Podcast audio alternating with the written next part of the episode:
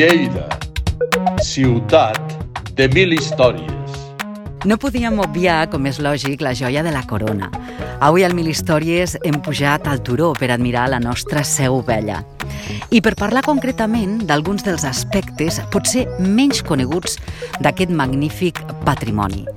En parlarem, ho farem en companyia de Joan Ramon González, ell és el president de l'Associació d'Amics de la Seu Vella. Joan Ramon, moltíssimes gràcies per ser amb nosaltres. No, res, Gina, un plaer sempre compartir amb tu aquesta estona i al mateix temps que la gent que es pugui sentir s'animin a conèixer un miqueta millor aquest magnífic patrimoni, com tu dius molt bé, i com l'estem gravant precisament aquí mateix, amb un dia esplèndid, amb l'acompanyament de les campanes, no? sempre tot això sempre és un plus. Estar aquí dalt sempre és un plus per molt que la coneixis i t'agradi. No? Aquesta és la màgia, a més a més, com que això és un document sonor, no? un arxiu sonor, els podcasts, ara, que, que, que tothom consumim podcast i ens encanta, però clar, jo volia respectar la màgia, lògicament, del so, i ara mateix sí. tenim eh, les campanes... La de la Mònica, perquè la Mònica ja saben els oients que està retiradeta, pendent de la restauració, encara no, i aquesta és la substituta, la que ha tocat ara, no?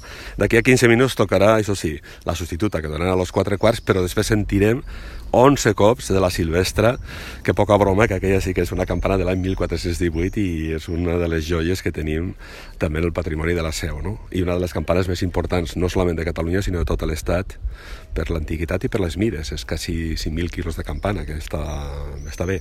Déu-n'hi-do, es diu de pressa, eh? però sí. Déu-n'hi-do, déu nhi déu sí, sí. Majestuoses i encantats estem de, de, de, de que es colin no? en, aquest, en aquest eh, podcast i a més a més la gent també es fa més a la idea i, mira, i és que aquí s'està meravellosament. Jo dic això, ara que parlarem de judicis, grans judicis, però dic que això és una mica un racó de paradís, eh? I Joan Ramon deia alguns dels aspectes, perquè, francament, eh, la Seu Vella, com el títol d'aquest eh, capítol, no?, d'aquests programes, més de mil històries, la Seu Vella, no acabaríem mai, no? Exactament, amb el programa Sola Mil Històries el podíem dedicar a la Seu Vella mateixa. Però bueno. Amb tanta bellesa i tanta història, tants segles d'històries no acabaríem mai. Avui hem triat la Porta dels Apòstols, una de les més, la més majestuosa, diria jo, no? Eh, Explica'ns, Joan Ramon. Sí, des de... Per què hem triat la Porta dels Apòstols? Quina és la significància, la importància? Què és el que potser menys sabem d'aquesta part, no? d'aquest element de la Seu Vella? És la més, més majestuosa, amb permís de la Porta dels Fillols, que és romànica, que aquella és excepcional, per això la podem deixar per un altre dia, aquella història. I aquesta Porta dels Apòstols és una porta gòtica, està feta entre la segona meitat del segle XIV i principis del segle XV, i, i per tant, com has dit molt bé, Gina, és una porta monumental, magnífica. Què té de singular aquesta porta? Pues que per les seves mides, la seva categoria artística, seria una porta que en principi qualsevol que no conegués el que hi ha al darrere diria és una porta d'entrada al temple, uh -huh. a la catedral, perquè té aquesta majestuositat. Però, evidentment, no dona al temple, sinó que dona al claustre. Aquesta singularitat és una de les peculiaritats, com tantes altres, que té la nostra Seu Vella. El fet que tingui el claustre situat no on habitualment estan els claustres, que són al costat nord o sud dels temples, normalment orientats cap a l'est, sinó que el claustre està situat als peus del temple per qüestions topogràfiques, perquè el tossal, o el turó, com vulgueu dir, però tossal també, que és més nostre, m'agrada anar recuperar més aquesta paraula, eh, fa que estigués des de sempre previst que el claustre estigués als peus. Això fa que aquest claustre no correspongui molt al nom exacte original d'un lloc tancat per fer una litúrgia especial, com la majoria dels claustres, sinó que es converteix en un vestíbul, una mena de, eh, de hall d'entrada al gran temple, en la qual els lleidatans, quan anaven aquí als oficis litúrgics, eh, al sortir o a l'entrar pues, se quedaven petant la xerrada, parlant de les seves coses, etc etc. Llavors, per accedir a aquest claustre, com a porta principal, està aquesta magnífica porta actualment coneguda com dels apòstols, que a més a més, actualment, eh, el que és l'esplanada aquesta en la que estem ara, que és el Valor de l'Assumpció, també coneguda com la porta dels apòstols, és presidida pel campanar magnífic, està alterat perquè quan la porta aquesta es va construir, aquí hi hauria unes escales monumentals que pujarien des de la zona del Mercat del Pla, a la qual la gent de Lleida, quan venia a la catedral, normalment aquesta és la porta d'accés, és a dir, que pujarien per aquestes escales o algunes altres laterals que també hi havia, perquè pensem que aquí hi hauria les cases, i entraven al temple per aquesta magnífica porta. Per tant, aquesta seria la primera gran singularitat. És una porta de, digna d'una autèntica catedral, però que està en un claustre. Mil històries. Mil històries. ho deies perfectament, no? Una més de les moltíssimes peculiaritats que té la nostra Seu Vella. I és magnífica aquesta porta, tal i com la veiem, però clar, eh, com era no, aquesta porta, perquè molts dels elements que haurien de ser aquí i que ara doncs, explicarem, ara mateix no hi són, no? Però ja sense ser-hi, Sí. És tremenda. Sí, Imaginem exactament. tot el conjunt escultòric que hi havia, no? Correcte, correcte, per descomptat. La porta, eh, actualment, com ha dit molt bé Gina, és monumental, però li falta la major part de les escultures. Tot i amb això, en el timpà, el timpà és l'espai que hi ha per sobre del forat de la porta d'accés i sota de les arcades, hi ha el conjunt escultòric més ben conservat in situ de la Seu Vella, per tant, poca broma en aquest sentit. I per què diem això? Perquè, com tots els oients ja suposo que coneixeran i sabran de sobres, la nostra catedral, que va estar funcionant com a tal des de que es consagra a l'any 1278 fins que Felip V la tanca al 1707, eh, va ser la catedral de Lleida, però quan se tanca se produeix un fenomen de buidatge, de suprimir els elements mobles que tenia la catedral perquè els canonges renuncien a la seva catedral en principi portaran molts d'aquests elements a, a Sant Llorenç, però que ahir no cabran tots, i després se distribuiran per moltes parròquies, que això dona origen també a un altre tema que seria sí. el de modelar que es va distribuir per les diferents parròquies. Però aquest fenomen de buidar la catedral perquè s'ha de convertir en caserna o inclús, com va estar a punt d'enderrocar-se, això fa que aquesta porta estigui buidada però hi ha elements que no es poden treure i precisament aquest timpà, com està fet en la pròpia pedra monumental de la paret, no es va retirar i això fa que se conservi in situ i per tant sigui un dels elements més esplendorosos, torno a repetir, in situ que tenim a la seu perquè tot l'altre està buidat. En aquest timpà, precisament, hi ha recollit el que seria eh, la representació del judici final. Aquest que, segons l'Evangeli, pues, un bon dia arribarà, se cridaran les trompetes i tots eh, els difunts seran cridats a judici i serà el definitiu i l'últim, no? Eh, això és una representació molt habitual en l'edat mitjana i aquesta representació que està en aquest judici final és el que va donar nom originalment a la porta. En la documentació antiga apareix el nom de la porta com la porta del judici. Evidentment, què tenim en aquesta, aquest timpà? Pues, com a eh, judici final, el jutge. Qui és el jutge? Déu Majestat, que està assentat, en una escultura molt ben conservada, sota un dosser, eh, sostingut els peus per dos angelets i que eh, en la recent restauració que s'ha fet ha sortit encara moltes restes de la policromia, perquè ara estem acostumats a valorar la pedra, el valor de la pedra, però hem de pensar que un senyor del segle XIV, del segle XV, diria, això què passa? Aquí falta la pintura, és a dir, aquí s'ha de pintar tot això, de tenir colorets, perquè si no això és molt soso, no? Per tant, aquestes restes de pintura han anat sortint i aquest eh, Déu Majestat que està fent el judici amb el suport que hi ha als relleus que té al cada costat de la Verge amb els apòstols i els atributs de la passió. Podem veure una creu, la corona d'espines, l'escala per pujar la creu, els elements, tot, tot el referent, que és el que justifica que Jesús per la passió que va patir és el que està, entre cometes diríem, eh, justificat per ser el jutge eh, de tots els éssers que han nascut en aquesta terra. I amb els capitells que podem veure en el temple, el que podem veure d'escultura encara original i del segle eh, 14, finals 15, com és aquesta, doncs és l'únic que tenim així encara in situ. Aquest judici final se complementa, evidentment, eh, amb unes decoracions que hi ha en el que seria la orla que hi ha en aquest timpà i en aquestes decoracions, tot i que falten els triangles de baix, perquè quan se va habilitar el claustre com a caserna militar, que es va dividir en dos pisos i es van tapiar tots els finestrals, eh, els soldats que hi havia en el pis de sobre doncs van fer dos finestretes i per això veiem com dos quadradets en què no hi ha escultura perquè se va mutilar malauradament aquests dos fragments del timpà per fer aquestes finestretes, que sortosament són relativament petites encara, però bé, són cridaneres perquè afecten a una part de l'escultura. Mil històries. Mil històries. Aquesta orla que hi hauria tot el voltant, en aquests elements, ha sortit en la restauració la sorpresa de que ha aparegut decorant el cargol més antic que tenim documentat a les Terres de Lleida fet en pedra, un cargol del segle XIV. Fins ara teníem els cargols més antics que eren els de l'església de Torrebesses, després hi havia els de Torrebesses eren del segle XV, després a Almenar tenim cargols en el campanar del segle XVIII i en el que seria l'antic seminari, el que és l'actual rectorat de la Universitat de Lleida, hi ha uns cargols també del segle XIX són els cargols Sant Pedre que podríem dir uh -huh. i que eh, precisament ara a la revista de la FECO hi ha un article que hem pogut fer amb el Ramon Soler, que és el restaurador d'aquesta porta i que parlen d'aquests cargols Sant Pedre. Però la joia és aquesta, el cargol que tenim aquí i que és el primer que se troba a la Seu Vella i que és del segle XIV, per tant el més antic de les Terres de Lleida. Anava a dir, la tradició del caragol vinculada a Lleida doncs és antiquíssima, no? No sé jo molt si, si prové tot plegat d'aquí, però és curiós no? Sí, que aparegui ara sí, aquest caragol. Sí, sí, sí, sí, sí, perquè jo recordo que els de la FECO coi hi havia sempre aquesta assignatura pendent de dir a la seva no hi ha cargols, i no, la veritat és que no es coneixien, no? Llavors sempre feies l'excusa, que també apareix en l'article, de les escales de cargol. Uh -huh. Clar, les escales que té per pujar els diferents elements,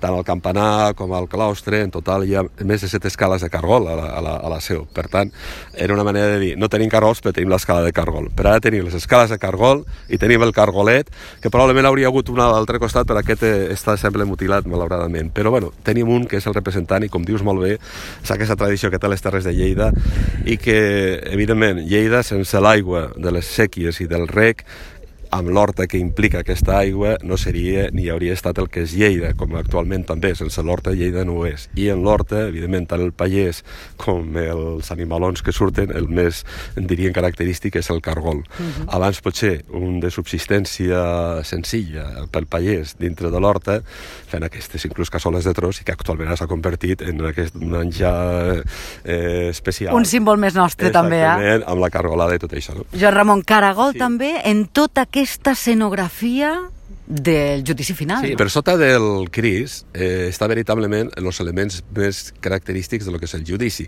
Per sota dels peus del Cris hi ha en dos filades que se veuen les tombes obertes, els sarcòfags, i estan sortint els difunts despullats.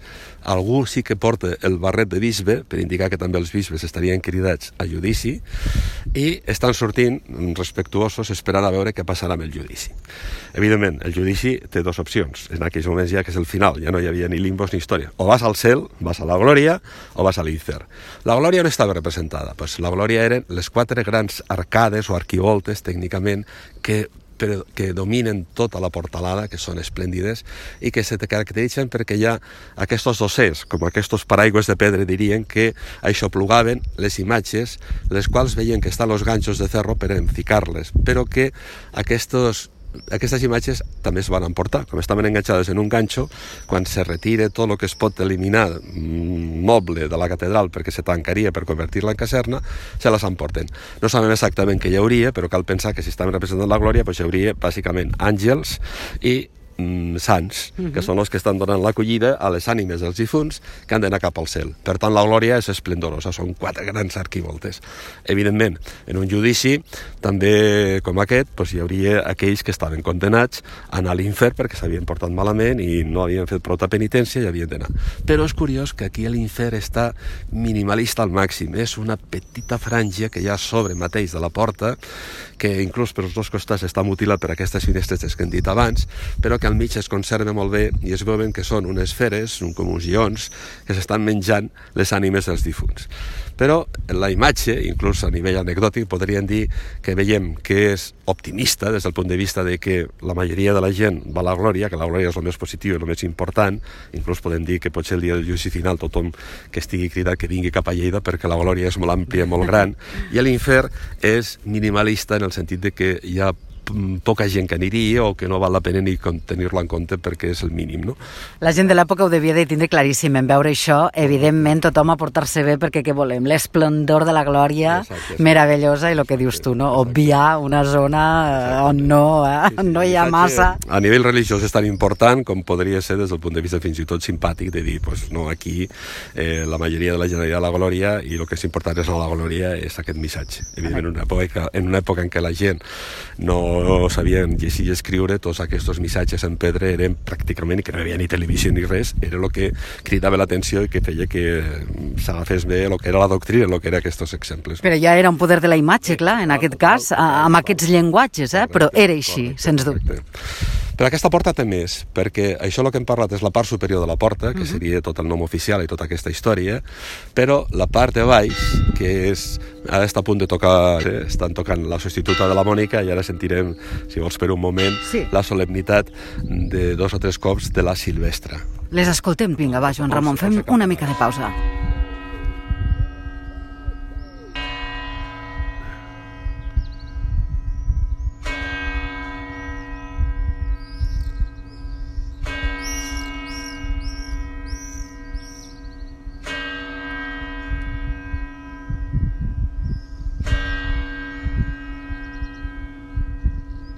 Impagable, eh? impagable, perquè a part del soroll greu de la silvestre, se sent inclús la vibració de la campana, que inclús recomano a la gent quan pugin a la Sevilla que s'atansin a dalt a sentir-la de prop i encara vibraran més perquè aquesta emoció de veure-la i sentir-la i quan la puguem tornar a recuperar, que estem en el projecte final de que pugui tornar a voltejar bé, serà extraordinària. No?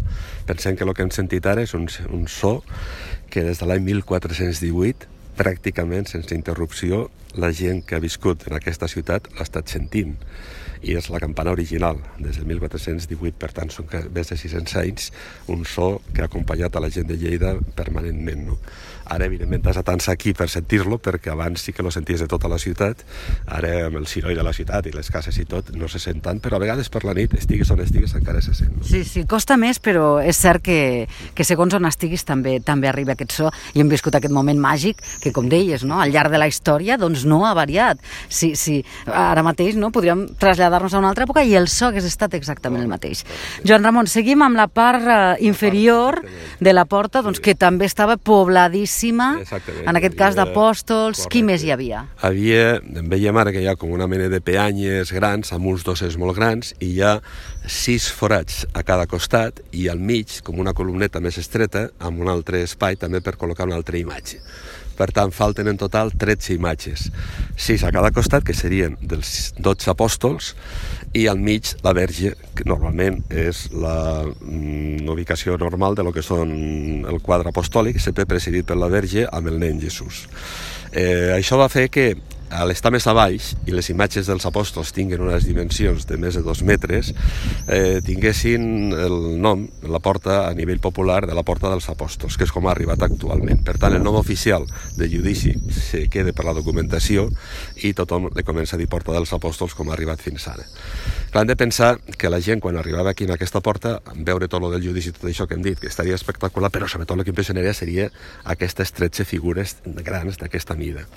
I al mig, quan passaven per la porta, aquesta excepcional Mare de Déu, que a més a més, mm, per sort, la tenim reconstruïda a la Catedral Nova i es podem, pràcticament està a una alçada molt semblant a com estaria aquí, quan ens atansem al presbiteri la podem veure, veiem pues, que és una matrona molt maca, que està dreta mirant cap al terra, per tant tota la gent que passaria se trobaria contemplats per la verge, amb el nen, que el nen sí que no està pendent de la gent que passa, sinó que el nen està jugant amb un colom que té la mare a l'altre costat, és a dir, la mare de Déu té un, a la dreta un colom, a l'esquerra té el nen, i el nen està pendent del colom, mentre que la mare sí que està mirant al, al mateix temps que mira el colom i el nen, però t'està mirant a tu com a fidel. Mil històries. Mil històries. La gent quan entraria per aquí veuria aquesta magnífica imatge amb els apòstols a cada costat, però aquesta imatge que estaria pintada i policromada i ben refeta i de més, eh, amb el temps va anar perdent el color i mm, al final se va, se va deixar de repintar i eh, la pedra mateixa en la que està feta doncs havia una taca mm, de mineral, simplement de la pròpia pedra, que casualment està al mig del front.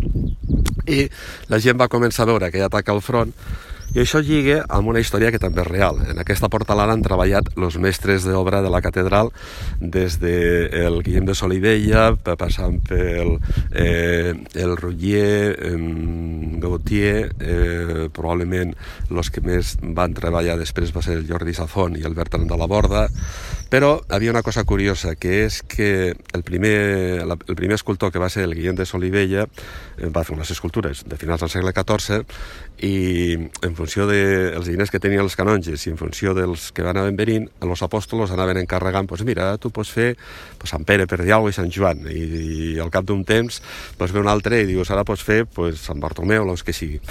I, clar, cada escultor anava canviant una mica el seu estil i feia que a vegades algunes de les obres deixessin molt antiquades les anteriors. I va estar fent-se diferents versions del mateix sant i, de fet, la verge, aquesta verge que actualment li diuen la verge de blau, sembla que originalment havia estat la que està actualment a l'església de Sant Llorenç i que és coneguda com la verge dels fillols. Sembla que seria l'original que va estar primer aquí, que no va acabar d'agradar massa i es va substituir per la que ara estem parlant i que li diem la verge del blau.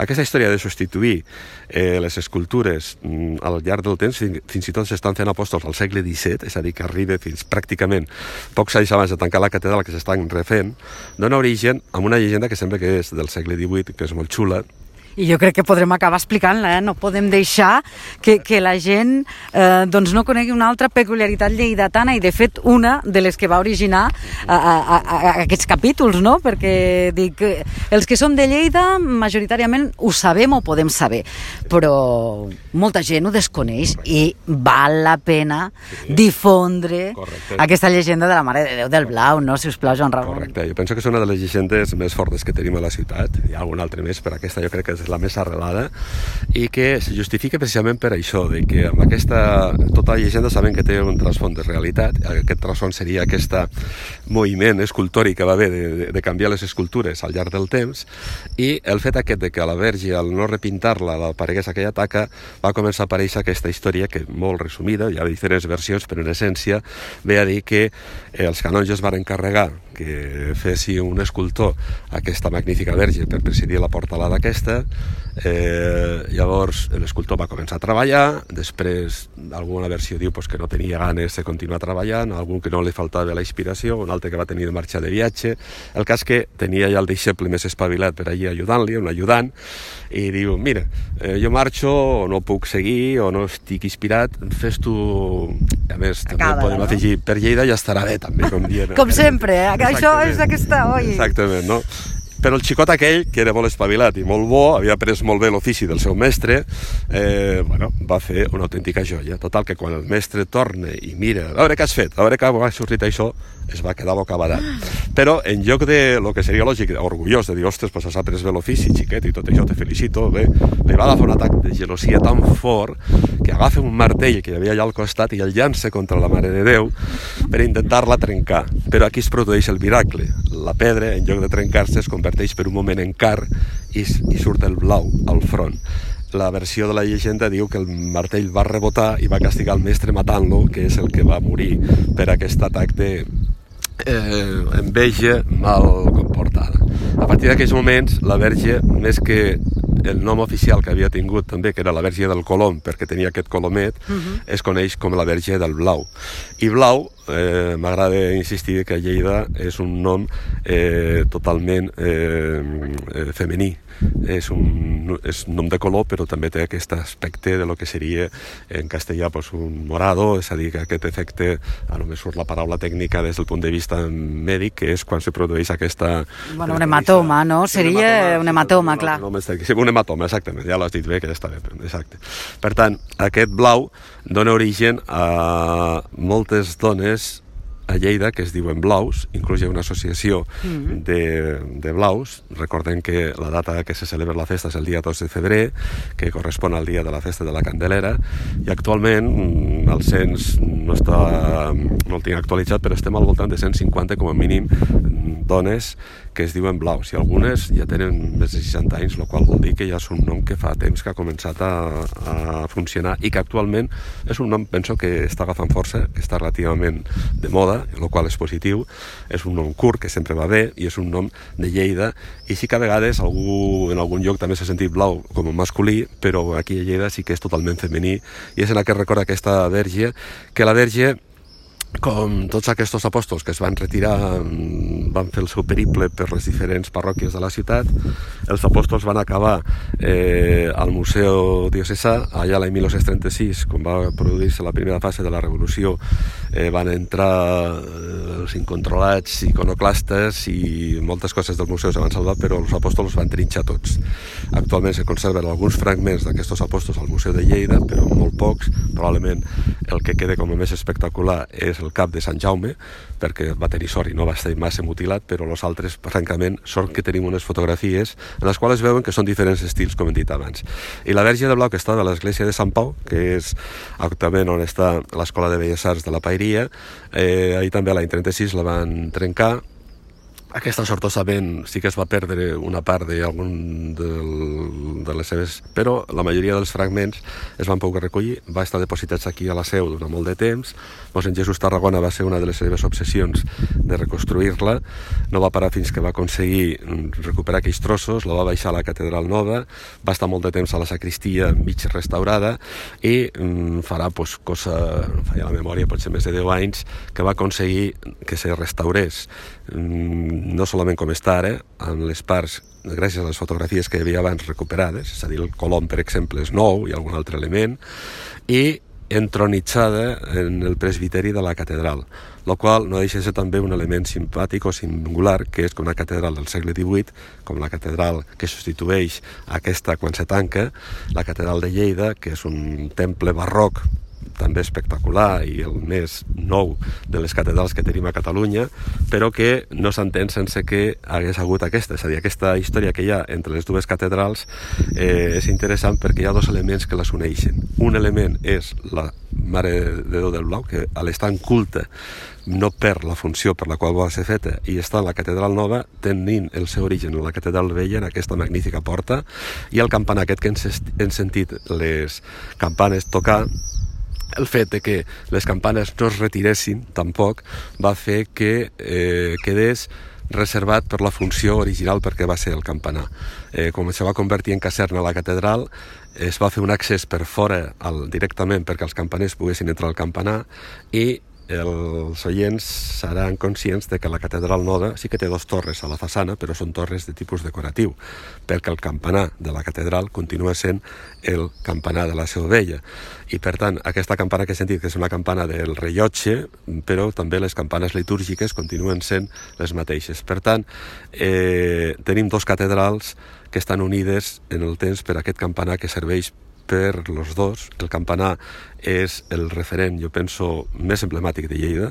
La seu, sense cap dubte, ho és, però si suprimeixes la catedral i el claustre i deixes solament el campanar, té tanta força que representa per si sol Lleida, i podem parlar un altre dia de les seves característiques més concretes, però té la força aquesta de que és, a més a més, l'únic element que no ha perdut la funció pel qual va ser fet, el qual crec que li dona aquest plus, i que uneix aquestes dues catedrals com la Verge del Blau també les uneix. Mil històries. I és eh, la joia de la corona nostra, més estimada i, i més nostrada i més magnífica i que exportem arreu i que seguim en, en lluita i camí també perquè sigui reconeguda arreu, no? perquè sigui patrimoni mundial. Aquesta Correcte. és una altra història també sí. llarga eh? i complexa, però esperem que, que arribi a, a bon final. Estem més a prop que mai, però són 20 anys i ja tocaria que tinguéssim l'alegria aviat, no? Ja tocaria accelerar una mica. Joan Ramon, ha estat un plaer eh, ens ha, jo crec que ens has eh, provocat ganes de, de, de, de deures, no? Aquest estiu aprofitar Clar. per pujar,